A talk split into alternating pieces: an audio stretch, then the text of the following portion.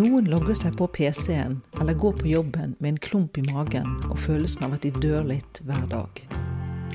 Det er de som stryker Gabriellas sang fra spillelisten og tenker at 'jeg vil kjenne at jeg lever', uansett bare gjelder dette fire. Men de fleste har det ikke så dramatisk. De bare lurer. Er det ikke noe mer der ute? En jobb som passer for meg? Velkommen til en ny episode av Snakk om jobb. Jeg heter Lisa Wade og hjelper bedrifter og organisasjoner med leder- og medarbeiderutvikling. I tillegg støtter jeg mennesker til å ta grep om sitt eget arbeidsliv. Gjennom denne podkasten og online-kurset Karrieregrepet inspirerer jeg til å tenke nytt rundt jobben, livet og alle de mulighetene som finnes. Jeg tror nemlig ikke at karriere er en stige som du skal klatre opp, opp, opp. Jeg tror det er et liv du skal leve. Pass på at det er ditt liv. Før mars 2020 var dagene sånn. Du står opp hver morgen, går på jobben, kommer hjem, legger deg, står opp neste dag og går på jobben, på jobben, på jobben. Og ganske sakte kommer denne snikende følelsen. Var dette det hele? Selve livet? Så kom koronaen. Mer tid hjemme gir mer tid til å tenke. Pust, lunger og livskraft varer ikke evig. Dette har vi jo alltid visst, men nå blir det påtrengende klart. Bruker jeg livet mitt klokt? Finnes det noe annet der ute? En jobb og et arbeid som er skapt for meg? Bare tanken føles respektløs og luksuriøs i en tid der arbeidsledigheten i Norge plutselig er høy og skremmende. For ikke å snakke om hvordan det står til i resten av verden. Hvis du har en jobb, får du sannelig være fornøyd. Og hvorfor skal absolutt du få en drømmejobb? Jeg mistenker at det er janteloven som stikker fram det stygge hodet sitt. Det er det bare å avvise, selvsagt.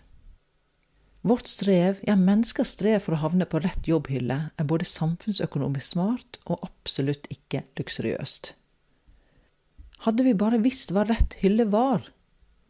Ditt kall i livet ligger i skjæringspunktet mellom verdens behov og dine talenter, sier Aristoteles. Thank you for nothing, sier jeg.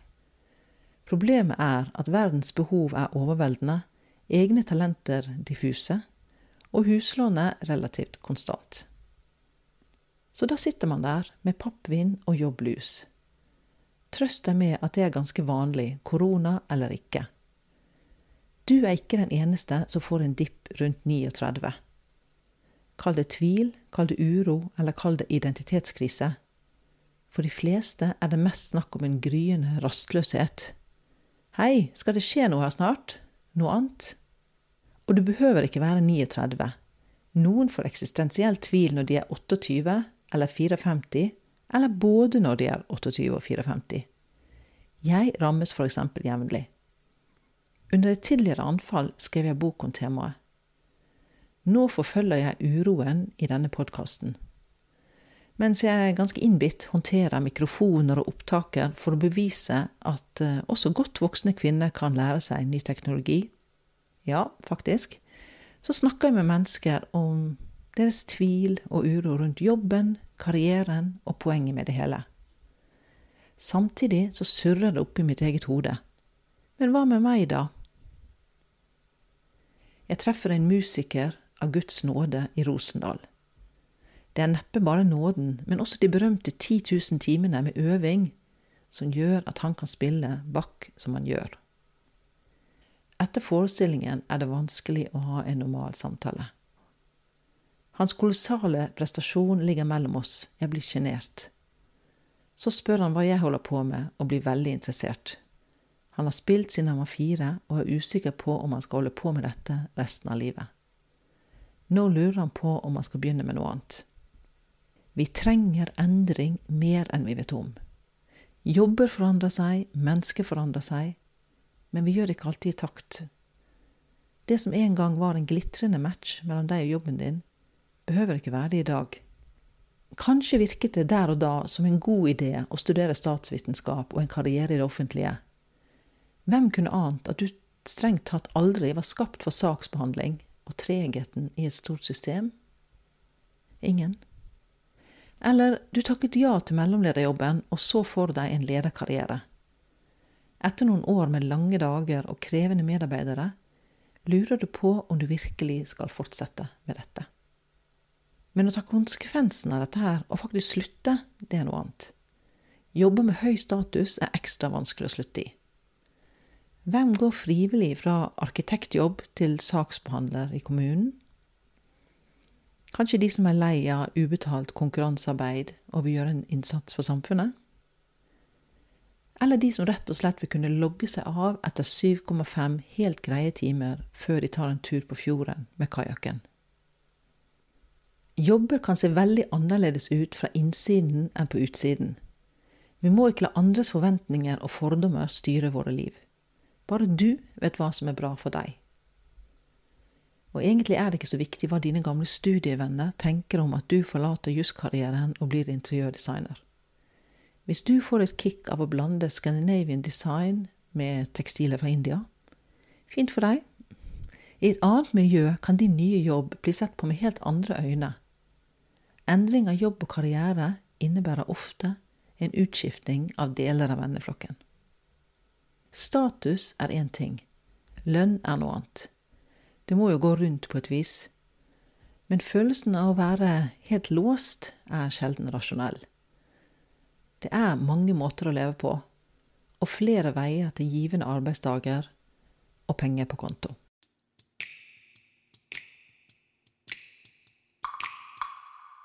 Min egen famling brakte meg til en ukes sommerskole på Alain de Botons nyskapende School of Life i London.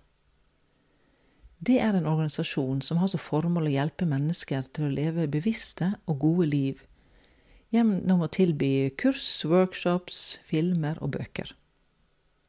Jobb, kjærlighet og relasjoner er sentrale tema. Jeg tok selveste flaggskipet, en ukes kurs i trange lokaler. Dette her var for noen år siden, da næringslivet var på stigende kurs og skumle pandemier bare fantes på film. Vi var en internasjonal gruppe på 24 kvinner og menn i aldersgruppen 17 til 70, alle på leit etter bedre relasjoner og et mer meningsfullt arbeidsliv. Noen var mer ydmyke enn andre. 27 år gamle Shadia fra Saudi-Arabia sa hun bare hadde ett ønske å få lov av pappa til å jobbe. Det ble en uke med grubling og refleksjoner. På tvers av nasjoner og generasjoner vokste det fram en felles erkjennelse av at mange av våre valg er tilfeldige, påvirket av foreldre, venner og trender i tiden. Tilfeldig betyr ikke nødvendigvis feil. Mange sa likevel at de ville valgt en annen yrkesvei eller karriere i dag. Men hva? Vi ble bedt om å gå til barndommen. Hva likte dere å bruke tid på? Jeg husker jeg da som nå likte å være i fred og lese bøker. Oppsøk misunnelsen var neste tips.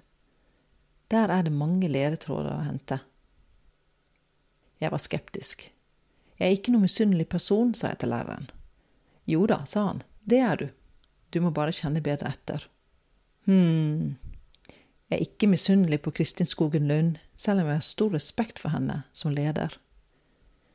Jeg er heller ikke misunnelig på kollega Henning eller kollega Thomas, som jeg vet er flinkere konsulenter enn meg. Og jeg er kanskje en smule oppgitt, men ikke misunnelig på alle dem som bare leverer konsulenthyllevare og likevel tjener mye mer enn meg. Så skjønte jeg det. Flere ganger i året så hogger det til et sted i maveregionen, og jeg blir i skikkelig møkkahumør. Det er når media skriver om årets skjønnlitterære debutanter, jeg skummer av følelser jeg ikke forstår, og faller iblant så dypt at jeg holder små foredrag for min mann over frokostbordet om hvor mye bedre jeg kunne ha skrevet den romanen, som jeg på dette tidspunktet ikke har lest. Jeg hadde faktisk samme idé i fjor.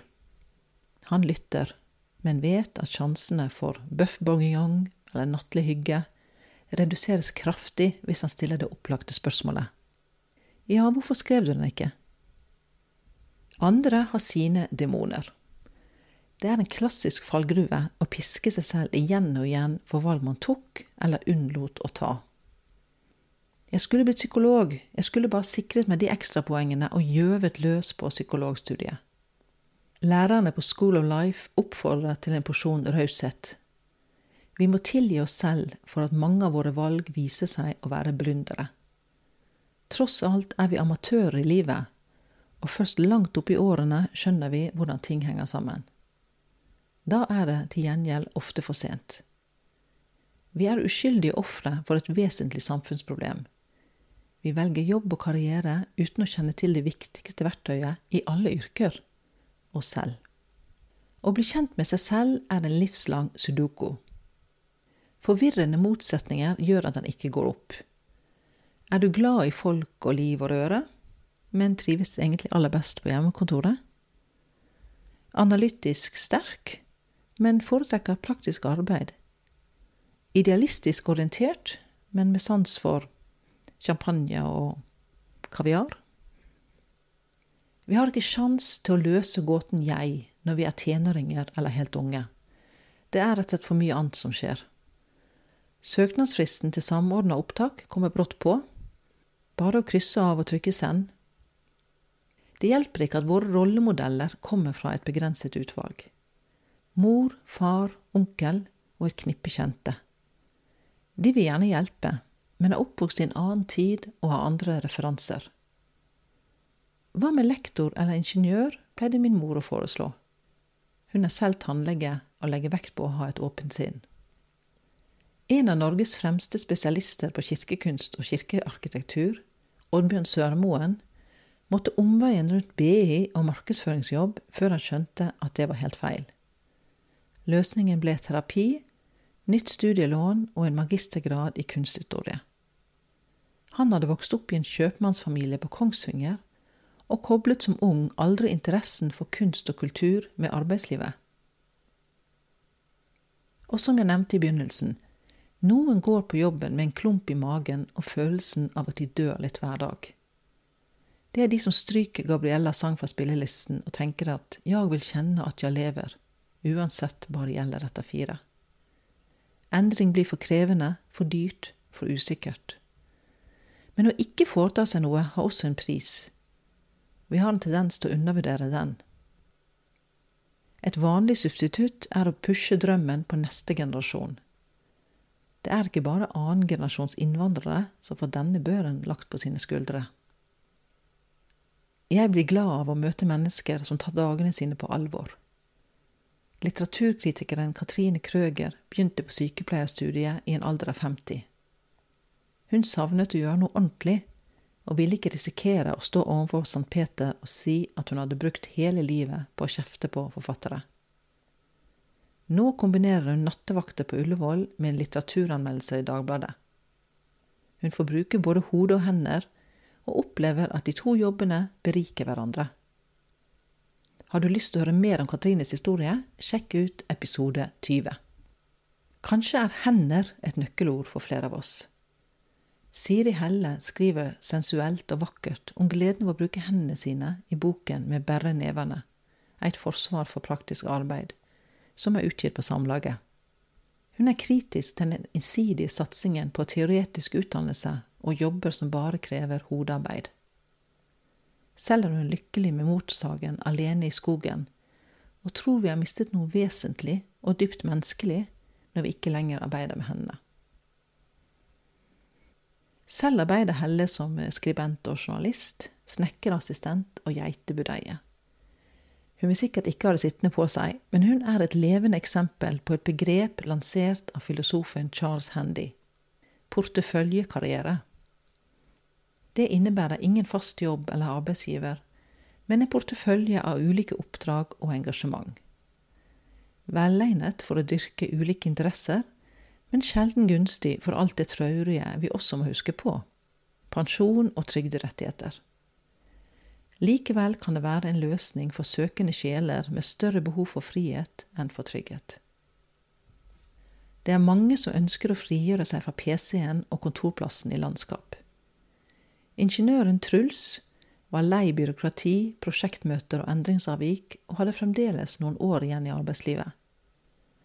Han ville gjøre noe praktisk, nå er han banemester i det lokale idrettslaget, og så blid at man kan mistenke ham for at det er selveste guttedrømmen som går i oppfyllelse. Han får kjøre stor bil hver dag. I Stødd Terkels usedvanlige bok fra 1972 forteller over 100 amerikanere i ulike yrker detaljert om sin arbeidsdag. Å lese denne boken er en tidsreise som viser hvordan verden har endret seg de siste 50 årene. Samtidig er den en påminnelse om det som ikke endrer seg, ønsket om anerkjennelse og respekt for den jobben man gjør. Et påfallende trekk i boken er at de som ser ut til å finne mest mening i jobben sin, er mennesker med et håndgripelig arbeid. Tannlegen, som setter sin ære i å forbedre pasientens utseende, og bokbinderen som redder en 400 år gammel bok for ettertiden. Det får meg til å undres. Skyldes denne rastløsheten som veldig mange har, at vi har, veldig mange av oss i alle fall, har et arbeid som vi ikke ser noe konkret resultat av? Vi legger inn energi og har jobbing, men inngår i et system og ser ikke alltid verdien av egen innsats. De færreste er like heldige som nevrokirurgen Henry. Han avslutter hver operasjon med følgende kommentar. Another life saved. Jeg reflekterer over alle årene jeg har brukt på å hjelpe organisasjoner med strategisamlinger, lederprogram og medarbeiderutvikling. Resultatene er ikke lette å måle. Er det noen vits? Skaper det endring og utvikling? Jeg er ikke sikker. Men jeg eh, Ja, jeg velger å tro det. Jeg velger å tro at det har et poeng, og at det betyr noe for noen. Dessuten har jeg betalt for barnas pianotime, en del av taket over hodet. 17. mai-festene for venner og familie. Dette er gode formål alt sammen. En solid slump har gått til skatt. Heldigvis, tenker jeg, Min gamle far fikk dø i fred, med omsorg og rent sengetøy på Diakonhjemmet. Vi som flanerer rundt på toppen av Maslows behovspyramide, kan lett glemme at det ikke er så veldig lenge siden begrepet meningsfull jobb var et fremmedord. Jobben var levebrødet, og slik er det fortsatt. Men på samme måte som at forventningen til barnas matpakke har endret seg, To skiver med brunost holder ikke lenger. Det skal jo være en nystekt kyllingbryst, har jeg forstått, på en seng av quinoa med hjertet utskåret agurk. Så har også forventningen til arbeidslivet endret seg. Morsom, utviklende og meningsfull er store tilleggskrav for jobben og har relativt ny opprinnelse.